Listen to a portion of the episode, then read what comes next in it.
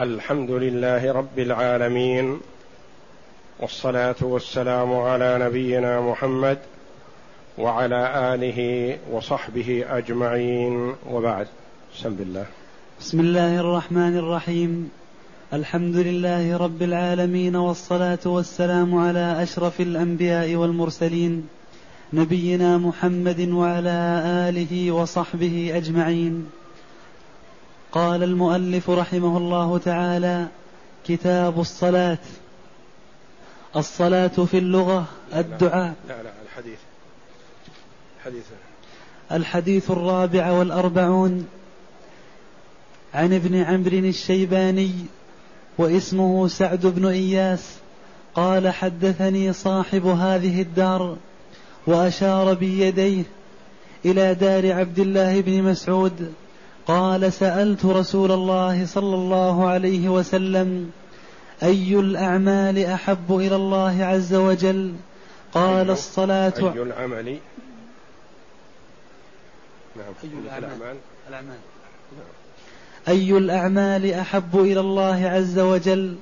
قال الصلاة على وقتها. قلت ثم أي؟ قال بر الوالدين. قلت ثم أي؟ قال الجهاد في سبيل الله.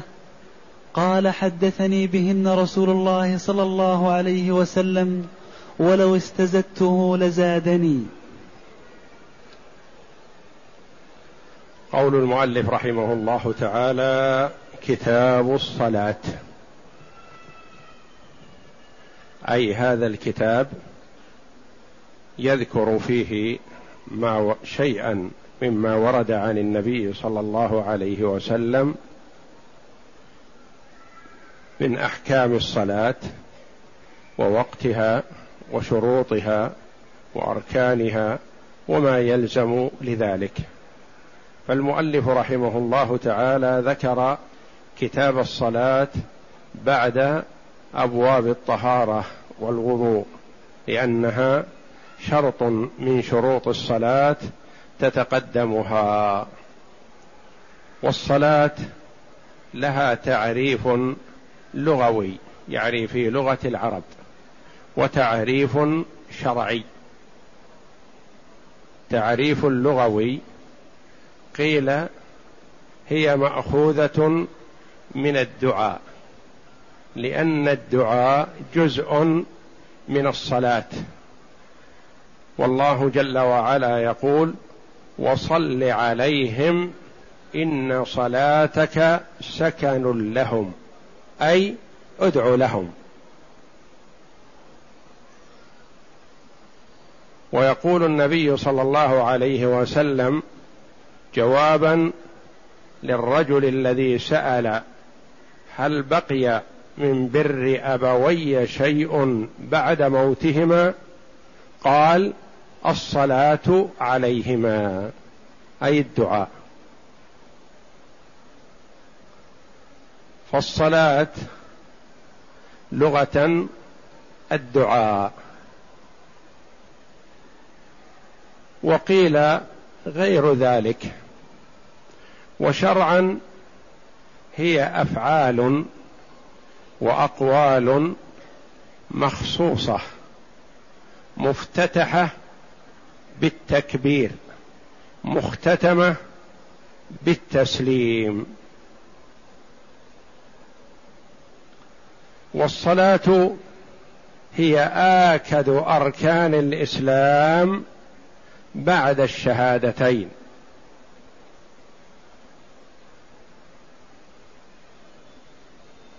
فهي أهم الأركان بعد شهادة أن لا إله إلا الله وأن محمدا رسول الله. يقول النبي صلى الله عليه وسلم العهد الذي بيننا وبينهم الصلاة فمن تركها فقد كفر. وقال عليه الصلاة والسلام بين الرجل وبين الكفر أو الشرك ترك الصلاة.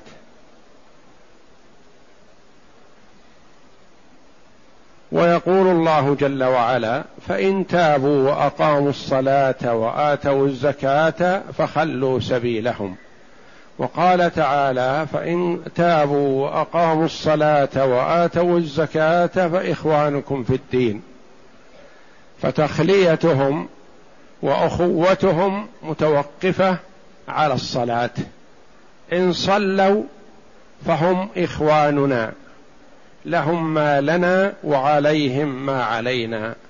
وإن لم يصلوا فليسوا بمسلمين.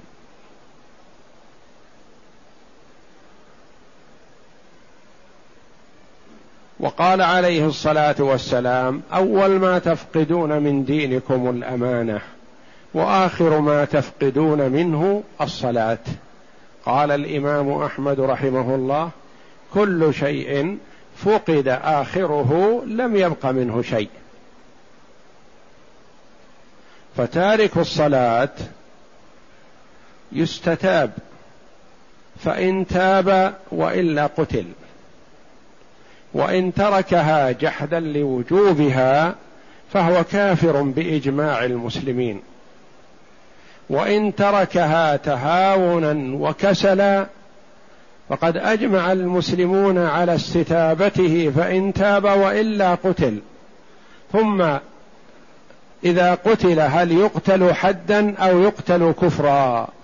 قولان للعلماء رحمهم الله. والقتل حتم ولكن هل هو حد أو كفر؟ إن كان كفر وهو القول الراجح من قولي العلماء رحمهم الله فهو لا يغسل ولا يصلى عليه ولا يدفن في مقابر المسلمين بل يوارى في مزبلة حتى لا يتأذى المسلمون برائحته. ولا يرثه أقاربه المسلمون فيكون ماله فيئا. يستلمه الإمام ويصرفه في مصالح المسلمين. لأنه لا توارث بين مسلم وكافر. وعند من يقول إنه يقتل حدا يقول يغسل ويصلى عليه ويدفن في مقابر المسلمين ويرثه إخوانه أقاربه المسلمون. كمن يقتل في حد من حدود الله غير ترك الصلاة.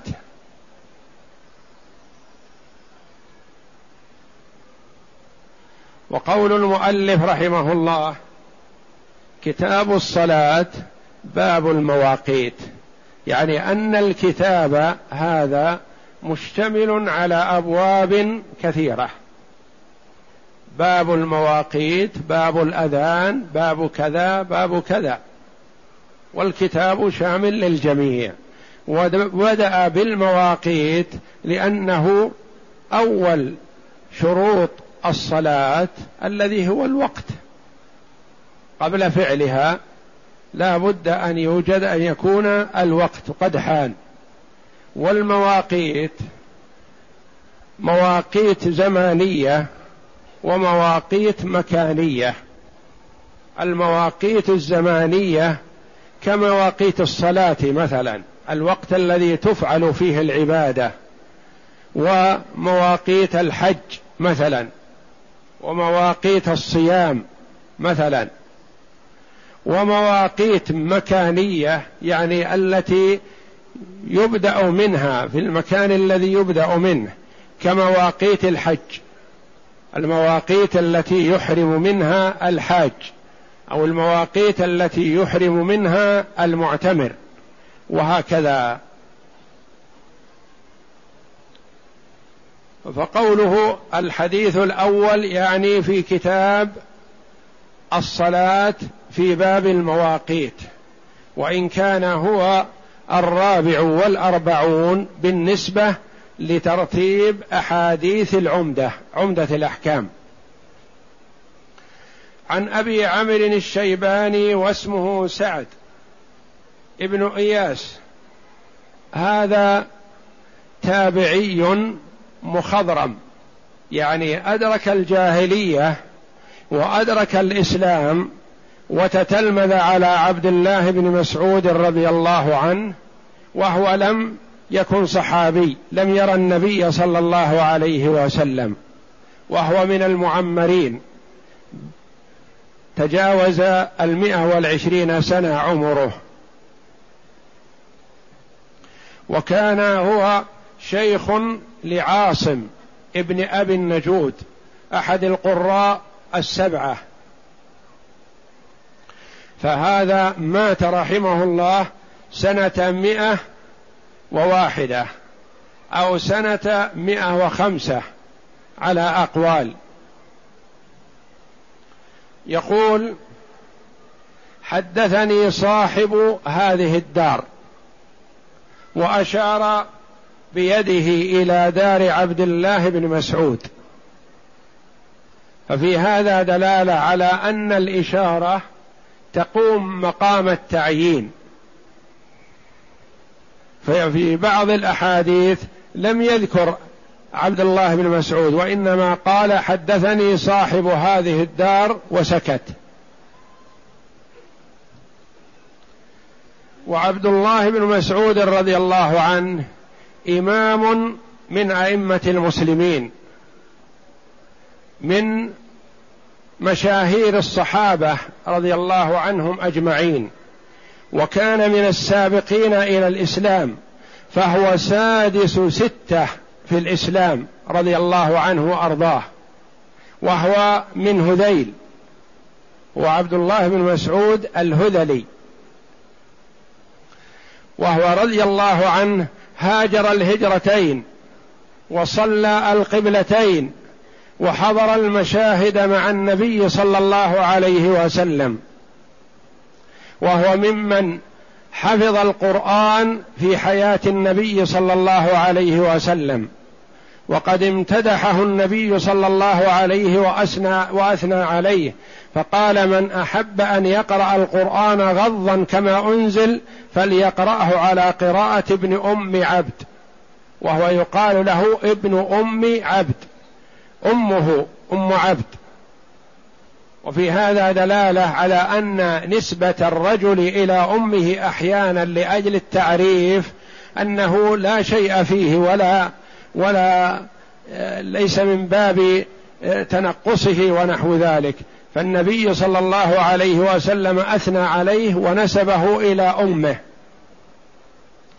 وطلب منه النبي صلى الله عليه وسلم أن يقرأ عليه القرآن فهو عليه الصلاة والسلام معجب مسرور بقراءة عبد الله بن مسعود. قال له عبد الله بن مسعود يا رسول الله أقرأ عليك وعليك أنزل. قال إني أحب أن أسمعه من غيري. فقرأ على النبي صلى الله عليه وسلم شيئا من سورة النساء رضي الله عنه. وكان رضي الله عنه خفيف الجسم خفيف اللحم قصير القامة. حتى قال بعض الرواة حتى إن الرجل الطويل إذا جلس يستره وهو قائم. يعني كان طوله حال قيامه بقدر مقعد الرجل الطويل قعوده رضي الله عنه. فالمرء بأصغريه بقلبه ولسانه رضي الله عنه وأرضاه. وتولى لعمر رضي الله عنه إمارة الكوفة. وتولى بيت المال لعمر وصدر من ولاية عثمان رضي الله عنهم أجمعين. وتوفي رضي الله عنه سنة ثلاث وثلاثين أو اثنتين وثلاثين من الهجرة بالمدينة ودفن في المدينة رضي الله عنه وقيل توفي في الكوفة رضي الله عنه وأرضاه. وفضائله رضي الله عنه كثيرة وثناء النبي صلى الله عليه وسلم عليه كثير رضي الله عنه وأرضاه.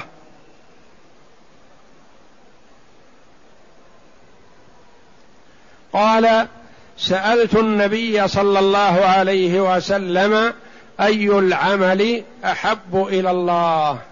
قال الصلاة على وقتها. قلت ثم أي؟ قال بر الوالدين. قلت ثم أي؟ قال الجهاد في سبيل الله. وهذه الخصال الثلاث جمعت حق الله جل وعلا وحق العباد خاصهم وعامهم.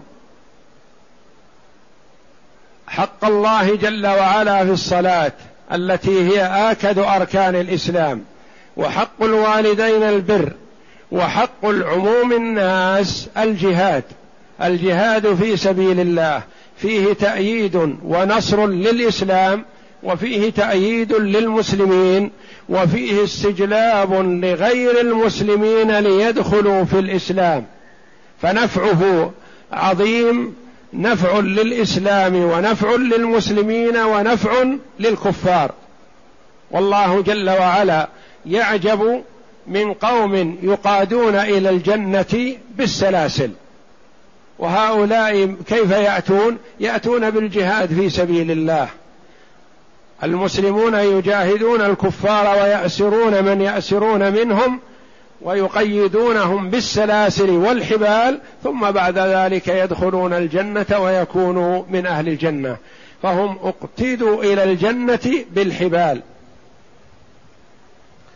سألت النبي صلى الله عليه وسلم دليل على حرص الصحابة رضي الله عنهم على العلم وعلى مسألة النبي صلى الله عليه وسلم عما يشكل عليهم وعلى تخير الأفضل.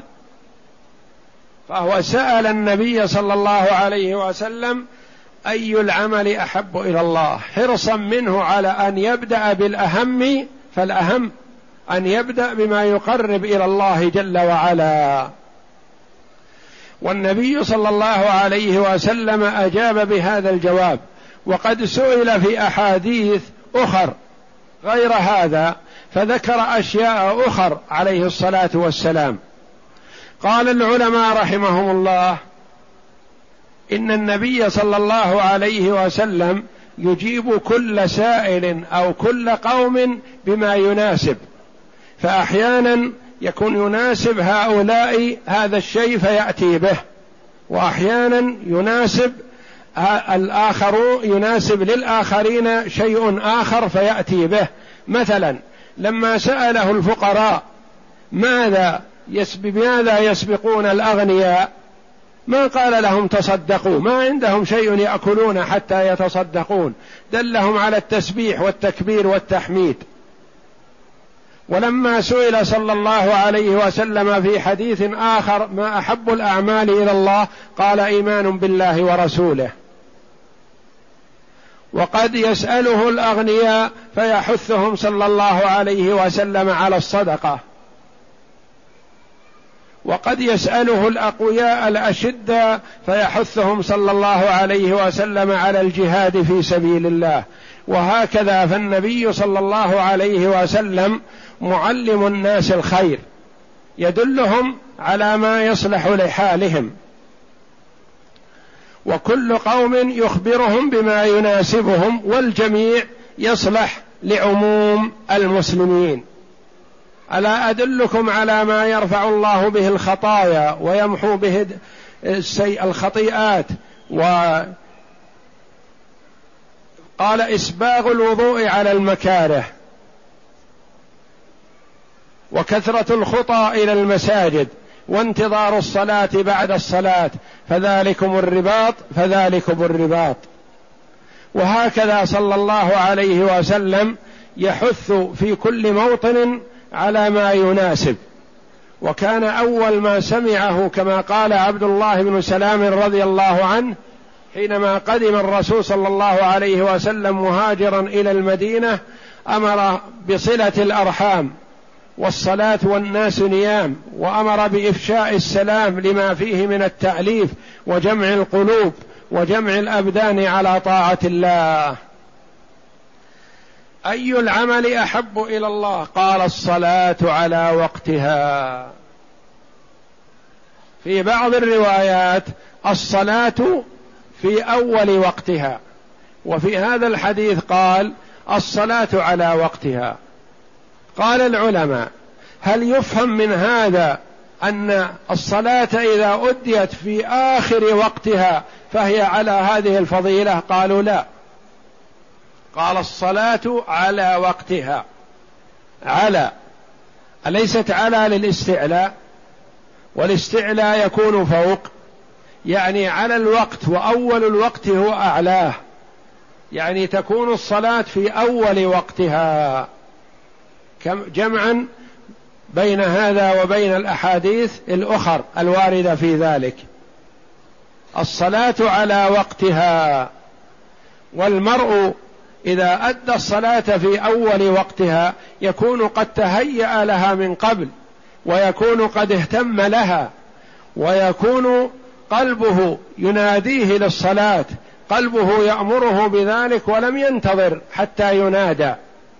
وهكذا ينبغي للمسلم كما قال النبي صلى الله عليه وسلم من السبعة الذين يظلهم الله تحت ظل عرشه يوم لا ظل إلا ظله رجل قلبه معلق في المساجد يعني متعلق بالصلاة متى يحين وقتها يسارع.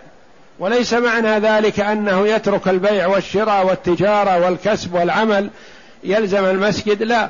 عمر رضي الله عنه لما وجد رجلا في المسجد ضربه اخرجه قال من ينفق عليك؟ قال أخي. قال هو أخير منك. أخرج فإن السماء لا تمطر ذهبا ولا فضة.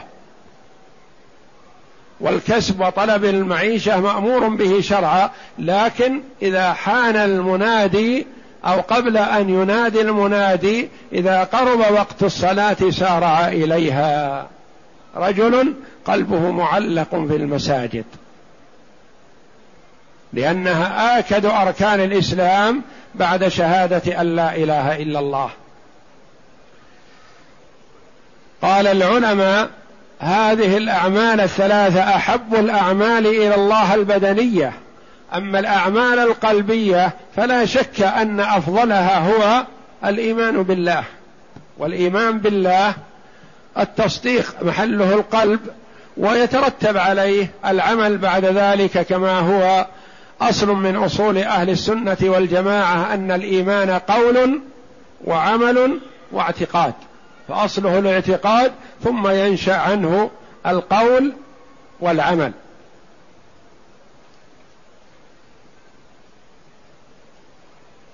الصلاة على وقتها يعني عدم التساهل فيها وكان الصحابة رضي الله عنهم ينكرون على من أخر الصلاة. ولا يصبرون رضي الله عنهم. فقد أنكر عبد الله بن عمر على الحجاج لما أطال الخطبة وأخر الصلاة قال إن الشمس لا تنتظرك. فغضب الحجاج فلم يبالي به عبد الله بن عمر رضي الله عنه. وهكذا غيره رضي الله عنهم أجمعين. كانوا ينكرون على من تأخر الصلاة. وعبد الله بن مسعود رضي الله عنه نفسه لما تأخر الأمير عن الجماعة في المسجد تقدم رضي الله عنه ثوب يعني أقام بالصلاة وصلى. فلما انتهت الصلاة دعاه فقال له هل جاءك شيء من أمير المؤمنين؟ قال لا. قال ولم أحدثت؟ قال ما أحدثت شيئا. وإنما ما أمرنا بانتظارك في أشغالك وأعمالك نصلي الصلاة في وقتها. وهكذا رضي الله عنهم كانوا يأمرون بالمعروف وينهون عن المنكر ويدعون إلى الله على بصيرة برفق ولين وبما ينفع لا بما يضر. أي العمل أحب إلى الله؟ قال الصلاة على وقتها. غريب الحديث غريب الحديث. الصلاة على وقتها يريد بها الصلاة يراد يريد بها الصلاة المفروضة. لأن يعني المراد بالصلاة الصلاة المفروضة.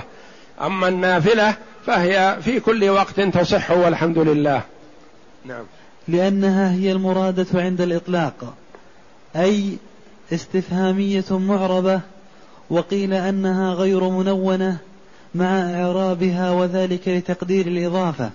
أي هنا استفهامية وتأتي موصولة. وابن مالك رحمه الله يقول أي كما وأعربت ما لم تضف وصدر وصلها ضمير حذف فهي تعرف في جميع أحوالها إلا إذا أضيفت وحذف صدر صلتها. فهي هنا معربة لأنها لم تضف ظاهرا وإنما هي مضافة معنى تقديرا. فهنا معربة وليست منونة معربة بلا تنوين. ومتى تبنى؟ إذا أضيفت وحذف صدر صلتها. نعم. المعنى الإجمالي سأل ابن مسعود رضي الله عنه النبي صلى الله عليه وسلم عن الطاعات لله أيها أحب إلى الله تعالى فكلما كان العمل أحب إلى الله كان ثوابه أكثر. نعم. لأن ابن مسعود رضي الله عنه يحب أن يعرف الأكثر ثوابا حتى يسارع إليه. نعم. فقال صلى الله عليه وسلم مبينا أن أحبها إلى الله تعالى الصلاة المفروضة في وقتها. ما تقرب إلي عبدي بشيء أحب إلي مما افترضته عليه. أفضل ما يتقرب المتقرب إلى الله جل وعلا بتأدية فرائضه. ولا يزال عبدي يتقرب إلي بالنوافل حتى أحبه.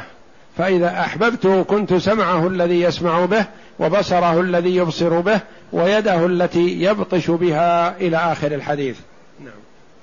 الذي حدده الشارع لأن فيه المبادرة إلى نداء الله تعالى والامتثال لأمره والإعتناء بهذا الفرض العظيم.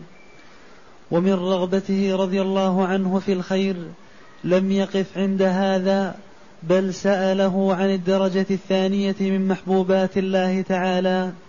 قال بر الوالدين. فإن الأول محض حق الله وهذا محض حق الوالدين.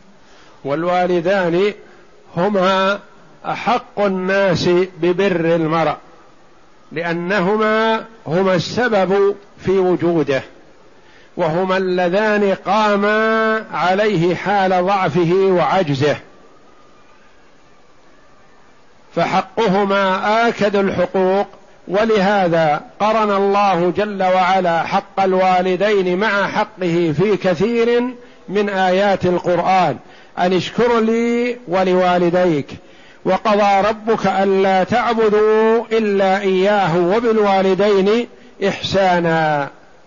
والآيات في هذا كثيرة. نعم. وحق الوالدين يأتي بعد حق الله بل أنه سبحانه من تعظيمه له. ولا شك أن حق الرسول صلى الله عليه وسلم تابع لحق الله جل وعلا. فمحبة الرسول صلى الله عليه وسلم مقدمة على محبة الوالدين. ولم تذكر هنا لأن محبة الرسول تابعة لمحبة الله تعالى. بل أنه سبحانه من تعظيمه له يقرن حقهما وبرهما مع توحيده في مواضع من القرآن الكريم لما لهما من الحق الواجب مقابل ما بذلاه من التسبب في إيجادك وتربيتك وتغذيتك وشفقتهما وعطفهما عليك. فلبرهما وفاء لبعض حقهما ثم أنه رضي الله عنه استزاد ما استزاد من لا من لا يبخل عن الدرجة الثالثة من سلسلة هذه الأعمال الفاضلة فقال الجهاد في سبيل الله فإنه ذروة سنام الإسلام وعموده. ذروة سنام الإسلام. كما قال النبي صلى الله عليه وسلم في حديثه لمعاذ رضي الله عنه وهو فيه عز الإسلام والمسلمين وفيه قيام دولة الإسلام والمسلمين. نعم. فإنه ذروة, ذروة سنام الإسلام وعموده الذي لا يقوم إلا به وبه تعلو كلمة الله وينشر دينه. وبتركه والعياذ بالله هدم الإسلام وانحطاط أهله وذهاب عز وذهاب عز عزهم وسلب ملكهم وزوال سلطانهم ودولتهم وهو الفرض الأكيد على كل مسلم فإن من لم يغ فإن, لم فإن من لم يغزو من. لم يغزو ولم يحدث نفسه بالغزو مات ميتة جاهلية نسأل الله السلامة والعافية وإنما المسلم إن لم يتيسر له الغزو فلينوي بأنه متى ما دعا داعي الجهاد أنه سيبادر. نعم. فإن من لم يغزو ولم يحدث نفسه بالغزو مات على شعبة من النفاق. ما يؤخذ من الحديث أن أحب الأعمال إلى الله تعالى الصلاة في وقتها التي هي الأعمال البدنية. نعم. ثم بر الوالدين ثم الجهاد في سبيل الله وذلك بعد وجود أصل الإيمان فإن العبادات فروعه وهو أساسها. الثاني يقصد بهذا السؤال الأعمال البدنية بقرينة تخصيص الجواب بالصلاة وبر الوالدين والجهاد. ولم يدخل في السؤال ولا جوابه شيء من أعمال القلوب التي أعلاها الإيمان.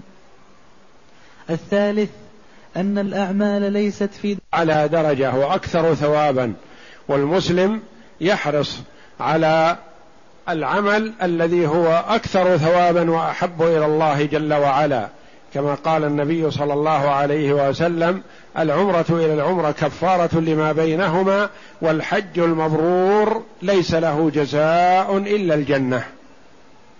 نعم. وإنما تتفاوت حسب تقريبها من الله تعالى ونفعها ومصلحتها. فسأله فسأله عما ينبغي تقديمه منها. الرابع أن الأعمال تفضل عن غيرها من أجل محبة الله لها. الخامس إثبات صفة المحبة لله تعالى إثباتا يليق بجلاله. نعم.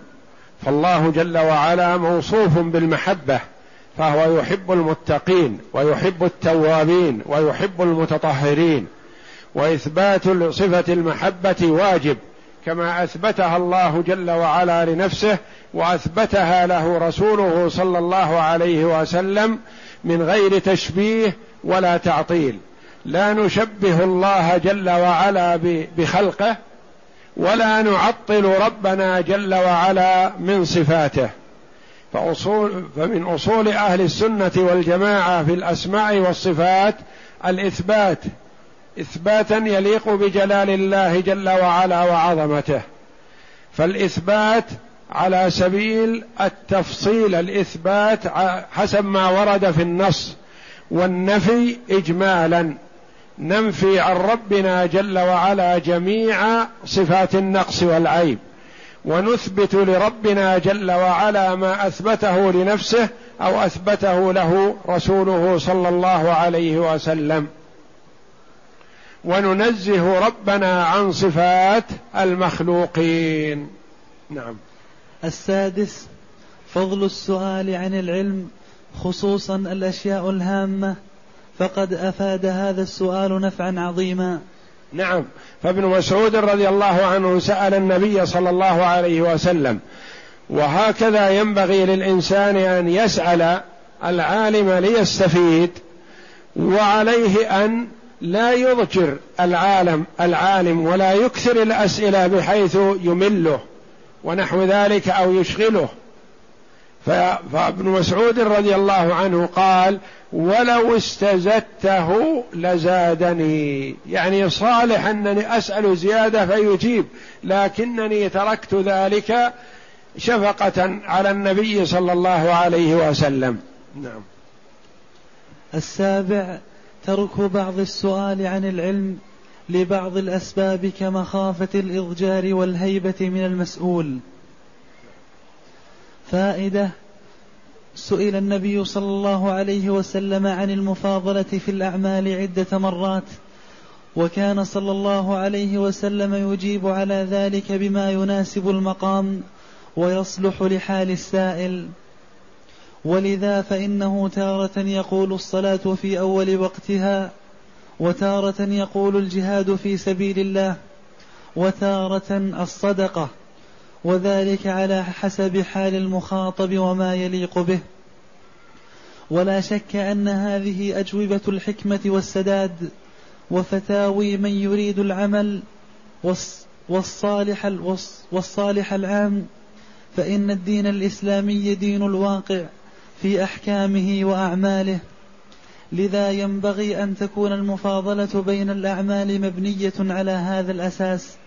فإن لكل إنسان عملا يصلح له ولا ينجح إلا به فينبغي توجيهه إليه وكذلك الوقت يختلف. نعم كما وجه النبي صلى الله عليه وسلم الفقراء إلى الذكر والتسبيح والتحميد والثناء على الله جل وعلا ولم يوجههم إلى الصدقة ووجه الأغنياء إلى الصدقة والأعطى من أموالهم فالجهاد في سبيل الله بالمال قد يكون أحيانا مقدم على الجهاد بالنفس لأن المال يبذل لمجموعة يستعينون به يجاهدون في سبيل الله. والله أعلم وصلى الله وسلم وبارك على عبد ورسول نبينا محمد وعلى آله وصحبه أجمعين.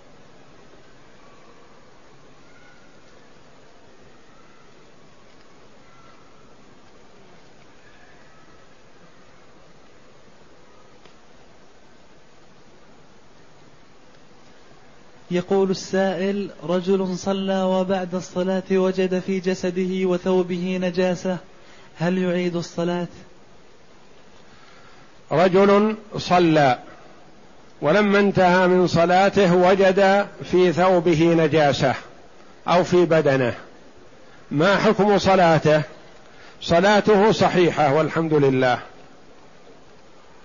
والدليل على ذلك أن النبي صلى الله عليه وسلم صلى بنعليه وفي أثناء الصلاة خلع نعليه. فخلع الصحابة رضي الله عنهم نعالهم. فلما سلم قال لهم ما بالكم؟ قالوا خلعت يا رسول الله فخلعنا. قال إن جبريل أتاني فأخبرني أن فيهما أذى أو قذى.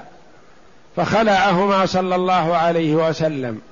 ففي هذا دلالة على أن الصلاة في النجاسة قبل أن يعلم المرء صحيحة لأن النبي صلى الله عليه وسلم ما استأنف الصلاة من أولها وإنما خلعنا عليه واستمر. فدل على أن صلاته الجزء الأول من صلاته حال لبسه النعلين وفيهما القذى والأذى أن الصلاة صحيحة فالمرء إذا صلى في ثوبه ولم يعلم حال الصلاة أن فيه نجاسة لكن بعدما صلى رأى النجاسة دم أو أثر شيء من بول أو غائط أو نحو ذلك فصلاته صحيحة ولا يعيد الصلاة. بخلاف ما إذا صلى محدثا ثم تذكر وعلم بعد الصلاة أنه صلى محدثا يعني على غير طهارة فيعيد الصلاة.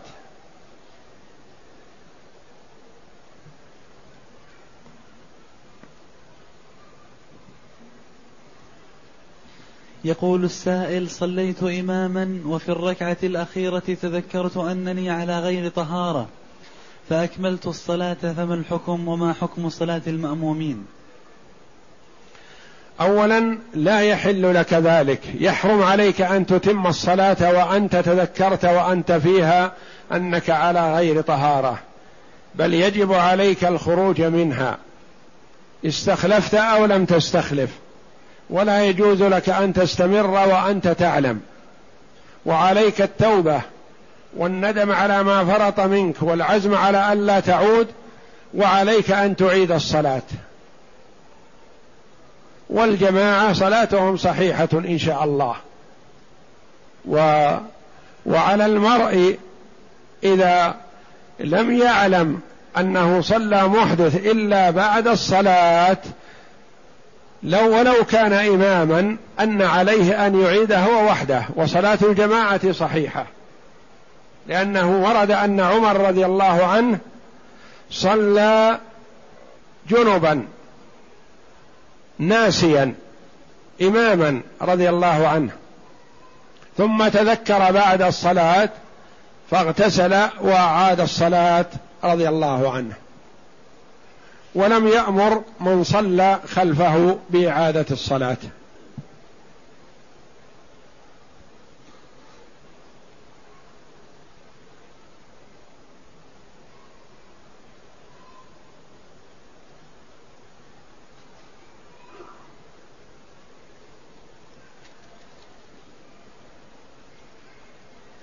يقول السائل نحن اثنين إخوان وإثنتين بنات. عندنا منزل من بعد الوالد. أخي قال للبنات أن يتنازلن عن حقهن من البيت فتنازل فتنازلن عن حقهن في البيت عن طريق الحياء. هل هذا جائز؟ لا يا أخي هذا لا يجوز ويحرم عليكم ذلك أن تحرجوا أخواتكم وأن تسألوهن نصيبهن مما خلفه الوالد. فهن يردن نصيبهن كما تريدونه أنتم. فلا يحل للإخوان أن يأخذوا نصيب أخواتهم إلا عن طريق الهبة عن قناعة ورضا أو عن طريق الشراء والتعويض أو يقاسمونهن. وأما أن يأخذوه على سبيل الحياء والمجاملة فهذا لا يحل لهم لأنهم أخذوه عن غير طيب نفس فلا يبارك لهم فيه. وعليكم أن تعطوا لأخواتكم حقهن نقدا أو من البيت ولا تأخذوه هكذا على سبيل الحياء منهن كما يفعل كثير من الناس يتساهلون في هذا وهذا لا يحل لهم. والله جل وعلا يقول للرجال نصيب مما ترك الوالدان والأقربون وللنساء نصيب مما ترك الوالدان والأقربون مما قل منه أو كثر نصيبا مفروضا. فكيف يحل لك أن تأخذ نصيب أختك على سبيل المجاملة والحياء؟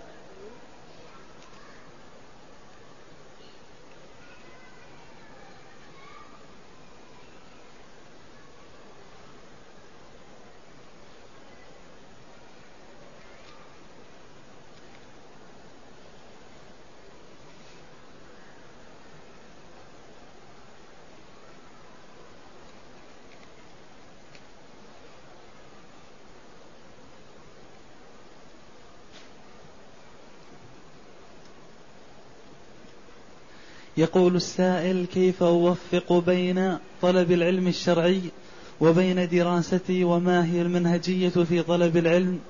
علما أن دراستي ليس لها علاقة بالعلوم الشرعية.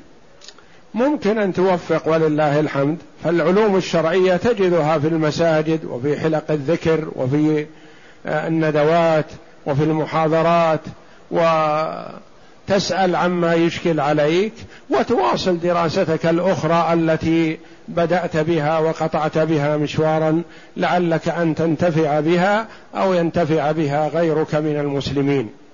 فالمسلمون في حاجة إلى الطبيب وفي حاجة إلى المهندس وفي حاجة إلى كثير من التخصصات لكن أخي لا تهمل نفسك في العلوم الشرعية.